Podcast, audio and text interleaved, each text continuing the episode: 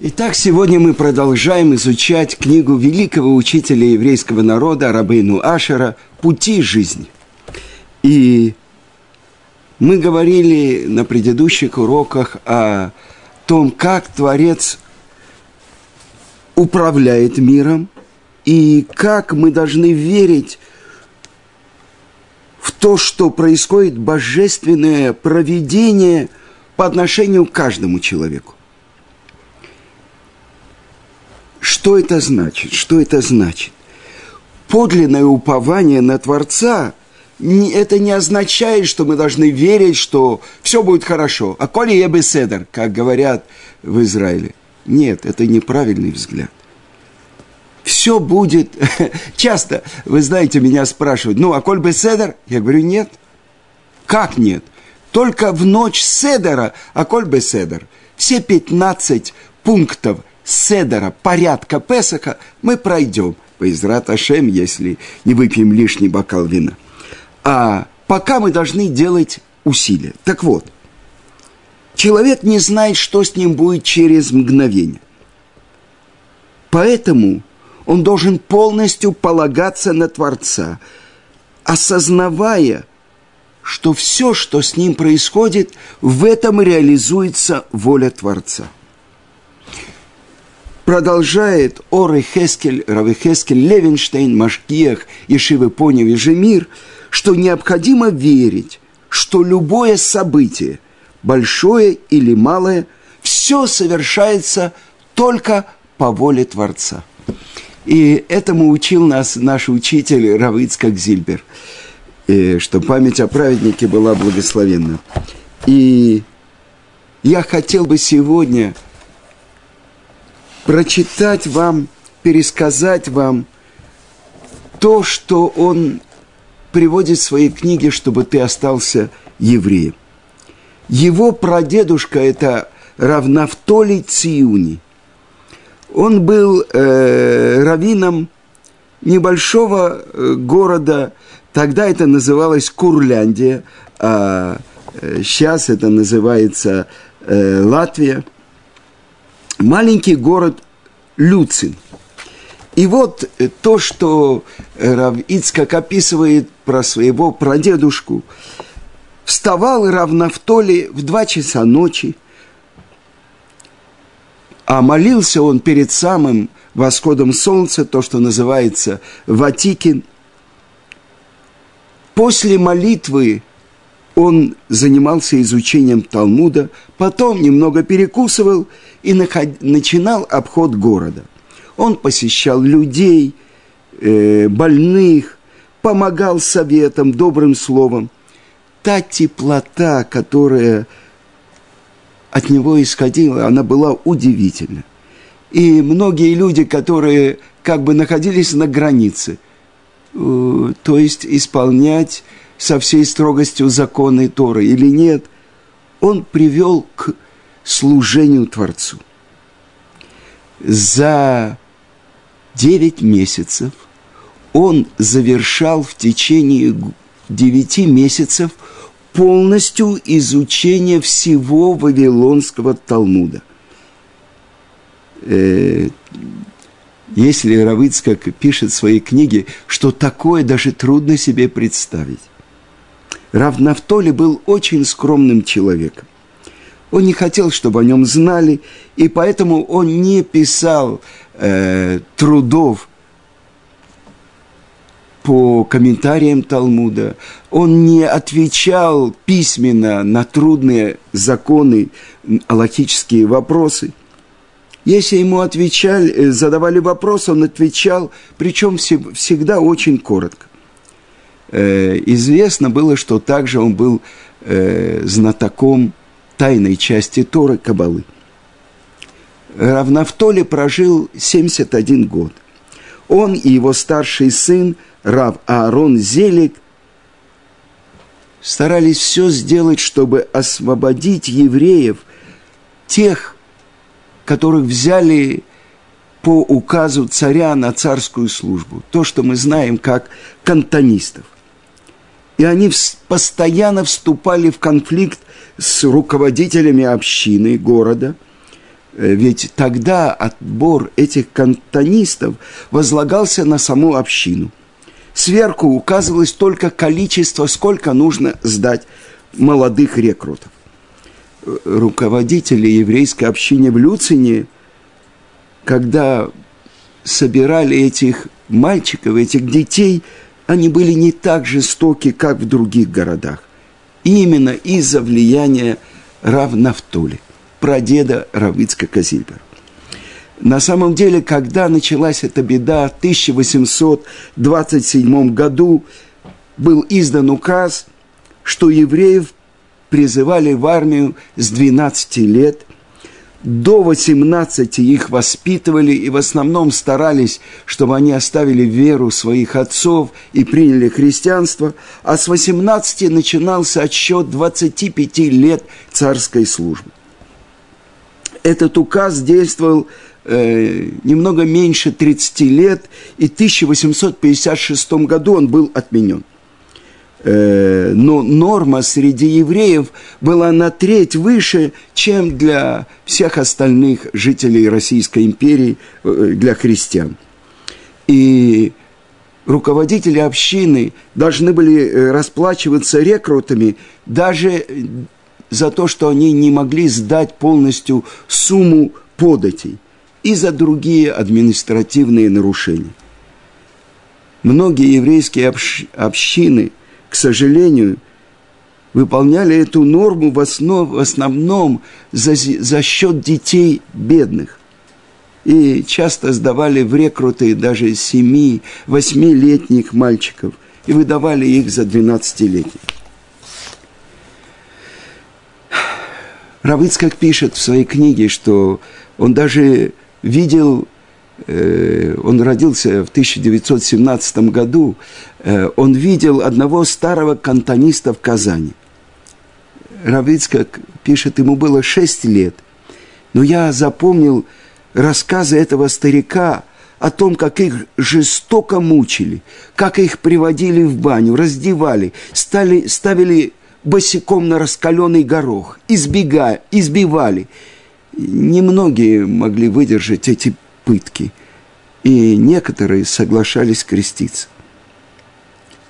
Я слышал как-то к дедушке, моему э, дедушке Раву Ицеле Режицере, по названию города, в котором он был э, раввином, пришел кантонист, который крестился, а потом в царской армии дослужился даже до генерала.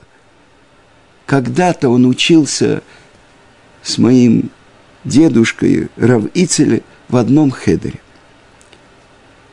Когда партию беженцев вели через город, в котором Рав Нафтали был раввином, он всегда приходил к детям. Он опекал их, заботился от них, относился к ним с такой нежностью и любовью. Главное, он старался укрепить их в вере, чтобы они выдержали все испытания и остались соблюдающими евреями. И вот Равыцкак нашел в одном журнале, который выходил на идыш, он назывался «Дер Идыше Штрал» – «Еврейский луч», который выходил в 1995 году. Рассказ старого кантониста. И вот это то, что я хотел сегодня вам прочитать. Мне было где-то немногим больше девяти лет, когда меня оторвали от матери и отдали в кантонисты, в солдаты. Моя мама была вдова. Я был у нее единственный сын. Мой отец умер еще до моего рождения – и мне дали его имя. Как единственный сын, я по закону к призыву не подлежал. Но для богатых нет законов. Какой-то богач, родственник то ли моего отца, то ли матери, дал деньги начальникам и оформил меня как своего сына.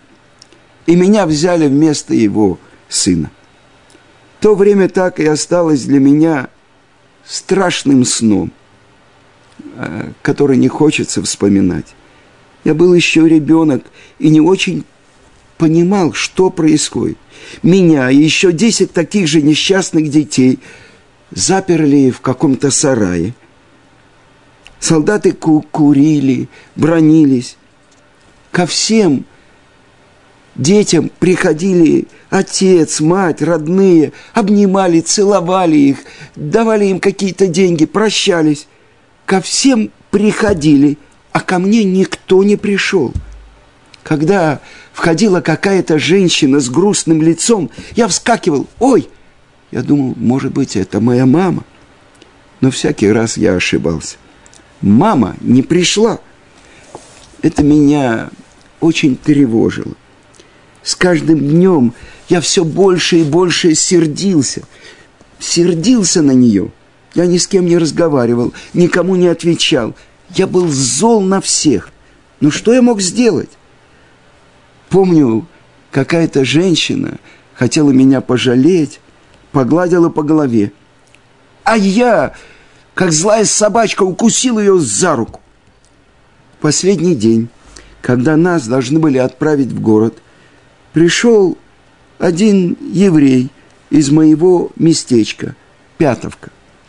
Он дал мне не то 20, не то 30 копеек, какой-то шарфик и старые заплатанные сапоги. Это тебе твоя мама прислала. А где она сама? Где моя мама? Я спрашиваю и отталкиваю эти вещи. Мне было стыдно перед другими детьми, ведь ко всем приходит, и только ко мне никто не пришел. Твоя мама, твоя мама, мальчик, она спит, спит твоя мама. Понимаешь, мой мальчик, она отдыхает, она спит, твоя мама.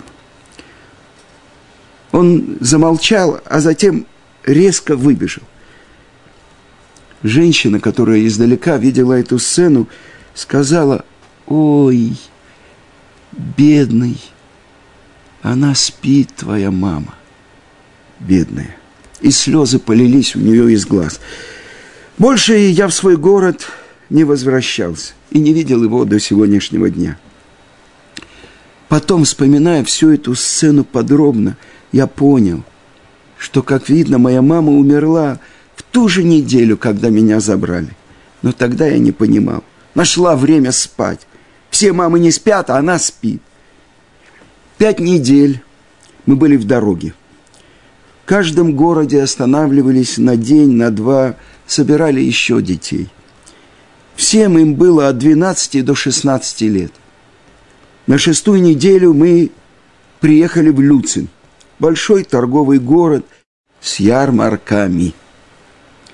Тогда еще не было железных дорог, а была большая проезжая дорога из Петербурга в Варшаву. Она называлась тогда Екатерининский тракт и проходила через Люцин.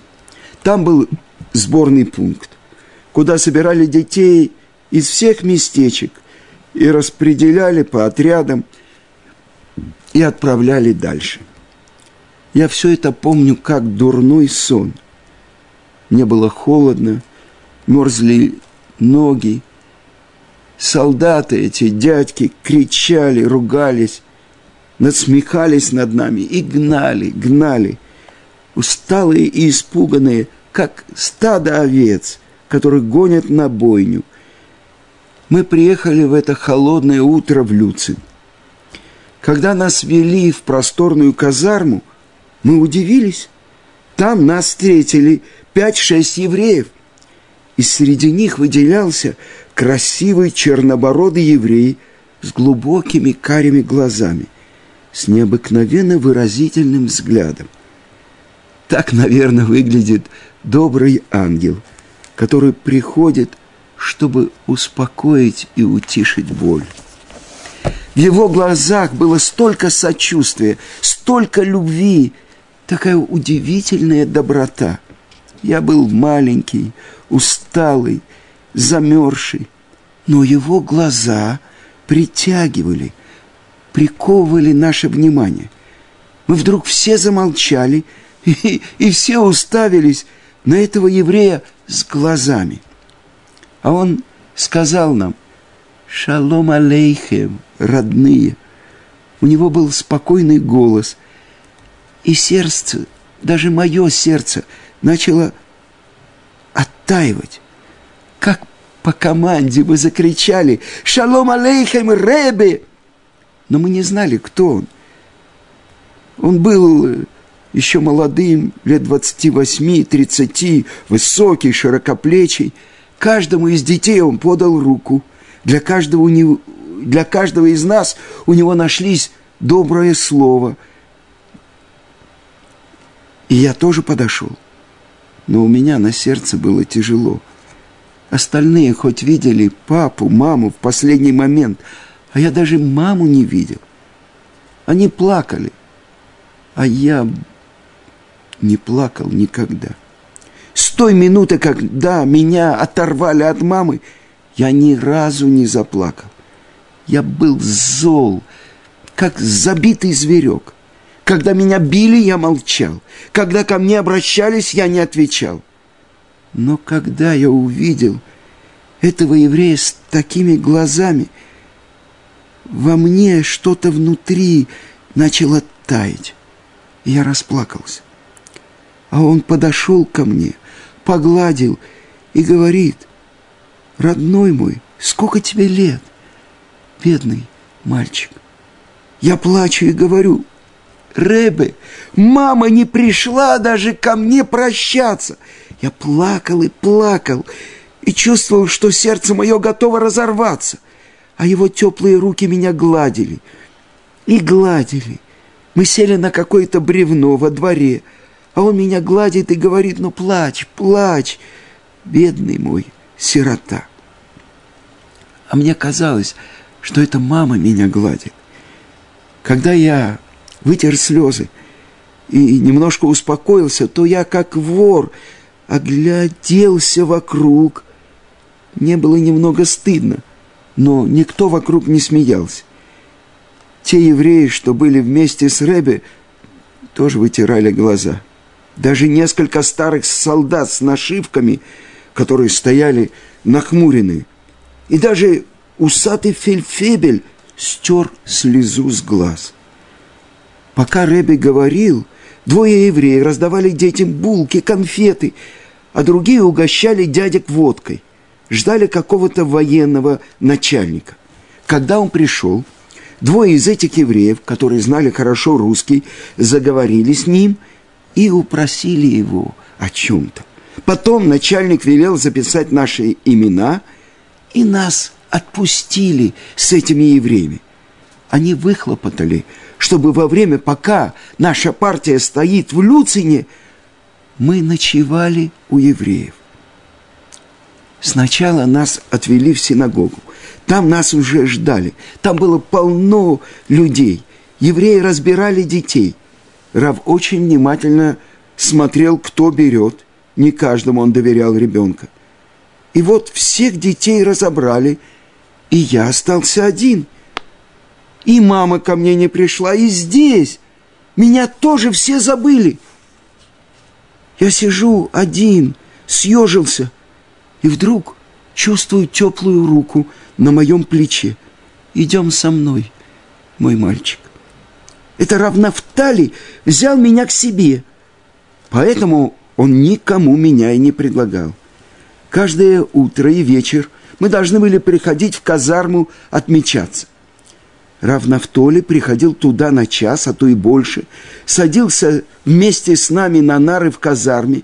Если было сухо и светило солнце, он усаживался во дворе на бревно, а мы окружали его – и слушали его добрые слова и удивительно красивые истории. Он много рассказывал нам о евреях, которых мучили, чтобы они изменили своей вере, и которые устояли. Рав рассказывал нам про раби Акиеву, про Хананию, Мишаэля и Азарию, рассказывал про инквизицию и крестовых походов но больше всего он любил возвращаться к рассказу о Иосифе Цадике, о праведнике Иосифе. Кто не знает историю про Иосифа? Но нужно было слышать, как он рассказывал ее. Ведь Иосифа продали в рабство родные братья. Благодаря своим способностям, уму и честности он сумел достичь высокого положения. Но ведь он был разлучен со своим отцом, со своими родными, со своим народом. И вот пришло к нему очень трудное испытание. С женой его хозяина Патифера. Он же был обижен. Его ненавидели и продали в рабство его собственные родные братья. Но в час испытания он видит перед собой лицо своего отца, Якова. И знает, что его отец Яков плачет и грустит по нему. Разве Яков виноват в чем-нибудь? Ведь это виноваты братья, а не наш братец Яков. И пусть перед вашими глазами всегда стоит лицо вашего праца Якова. Закончил рассказ наш добрый Рэби. Через много лет я понял, почему Рэби, Рэби Нафтали, так часто вспоминал про Йосефа. Он был очень умный Рэби. Ведь Иосиф обижен – его же продали родные, братья, евреи. Он мог бы озлобиться на евреев и креститься. Но Яков-то не виноват. Мы все слушали его, ловя каждое слово. Он так хорошо рассказывал. Он говорил слова, которые доходили до самого сердца. А у него у самого было сердце чистое, как у ребенка. И Он тоже сумел сделать и наши сердца мягкими и чистыми. И даже наша голова заработала по-другому. Но шло время, пришли бумаги, распределили, э, кого куда посылать. За эти четыре недели с нашим Рэби мы так много узнали. И наши сердца привязались к нашему народу. И главное, что мы научились, мы научились прощать. Равновтолий своими словами излечил нас от самой страшной болезни – ненависти. Ведь каждый из нас питал ненависть кому-то из представителей еврейских властей. Каждый мог указать на человека, который продал его в эту русскую армию. Рав Нафтоли научил нас прощать. Какая это была черная эпоха. Так богатые относились к своим бедным. Пусть Творец милосердий простит их, если только можно такое простить. Что было бы с нами, со всеми, если бы не нашлось на свете таких людей, как этот Ребе, и те, кто был с ними? Мне было так хорошо в его доме – я совсем забыл, где я, что я. Его жена была для меня как мама, но больше всего значил для меня сам Раф. Я не знаю, чем я ему понравилась, ведь были и другие дети. Может быть, он жалел меня особенно, потому что я сирота. А может быть, он знал, что мне предстоит еще вынести. У него был очень острый взгляд на будущее. И вот наступил ужасный, горький день. В последнюю ночь нас не отпустили по домам, а оставили в казарме. Утром забили барабаны, затрубили трубы. У нас у всех дрожат руки от холода, зубы стучат, страшно. Кончились наши золотые деньки. Что нас ждет? Мысли одна тяжелее другой. Придет ли наш Рэби сегодня? Об этом думал каждый из нас. Нам не верилось, что он придет, ведь едва начало светать. Мы уже стоим с сумками на плечах, заспанные, дрожащие, и вдруг поднимаем глаза. Рэби здесь! Но сегодня он совсем другой, я его не узнаю. Лицо строгое, но в глазах огонь. Он со своими друзьями, евреями, прошел по рядам. И всем детям, у которых уже была бармитсва, раздал тфилин. Ведь у нас надевают тфилин только с 13 лет. А всем остальным детям дал маленький талит. Он чуть-чуть отошел и громко закричал. Дорогие дети, вы сыновья еврейского народа, вы евреи. Знайте и помните, что вы дети Авраама, Ицкака и Якова. И тут он заплакал. Вы еврейские дети. Пожалуйста, не забывайте, что вы евреи. Помните Даниэля, помните Хананию, Мишаэля и Азарию, помните Раби Акиву, Иосифа Цадика.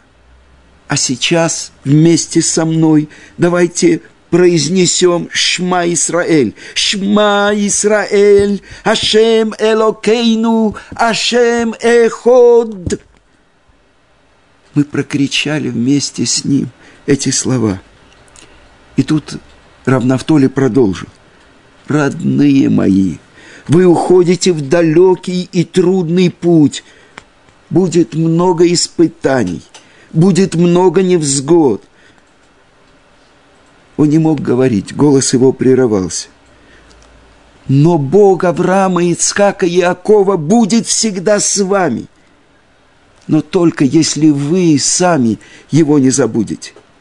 Дети, я благословляю вас – тем благословением, которым благословляли коины народ во время храма. И он начал произносить браху. Он подошел к нам, мы его окружили. Ребе, Ребе, дайте, пожалуйста, каждому благословение. Он положил руки на голову каждого и благословил. Показались первые лучи солнца. Барабаны бьют, трубы воют. И мы тронулись в путь с опущенными головами. Мы прошли мимо нашего Ребе, и он каждому сказал, иди, и чтоб ты был благословлен. Мы вышли за город, а с горы оглянулись назад, на этот гостеприимный город с этим святым Ребе. Я как сейчас вижу, как он стоит и шепчет, «И варехеха Ашем ваишмерехо!» Пусть благословит тебя Творец и охранит тебя. Это то, что мы учим из книги Рабейну Ашера, что каждый еврей должен знать, что с каждым персонально есть управление, которым Творец управляет, что с каждым происходит все то, что с ним происходит только по воле одного Творца.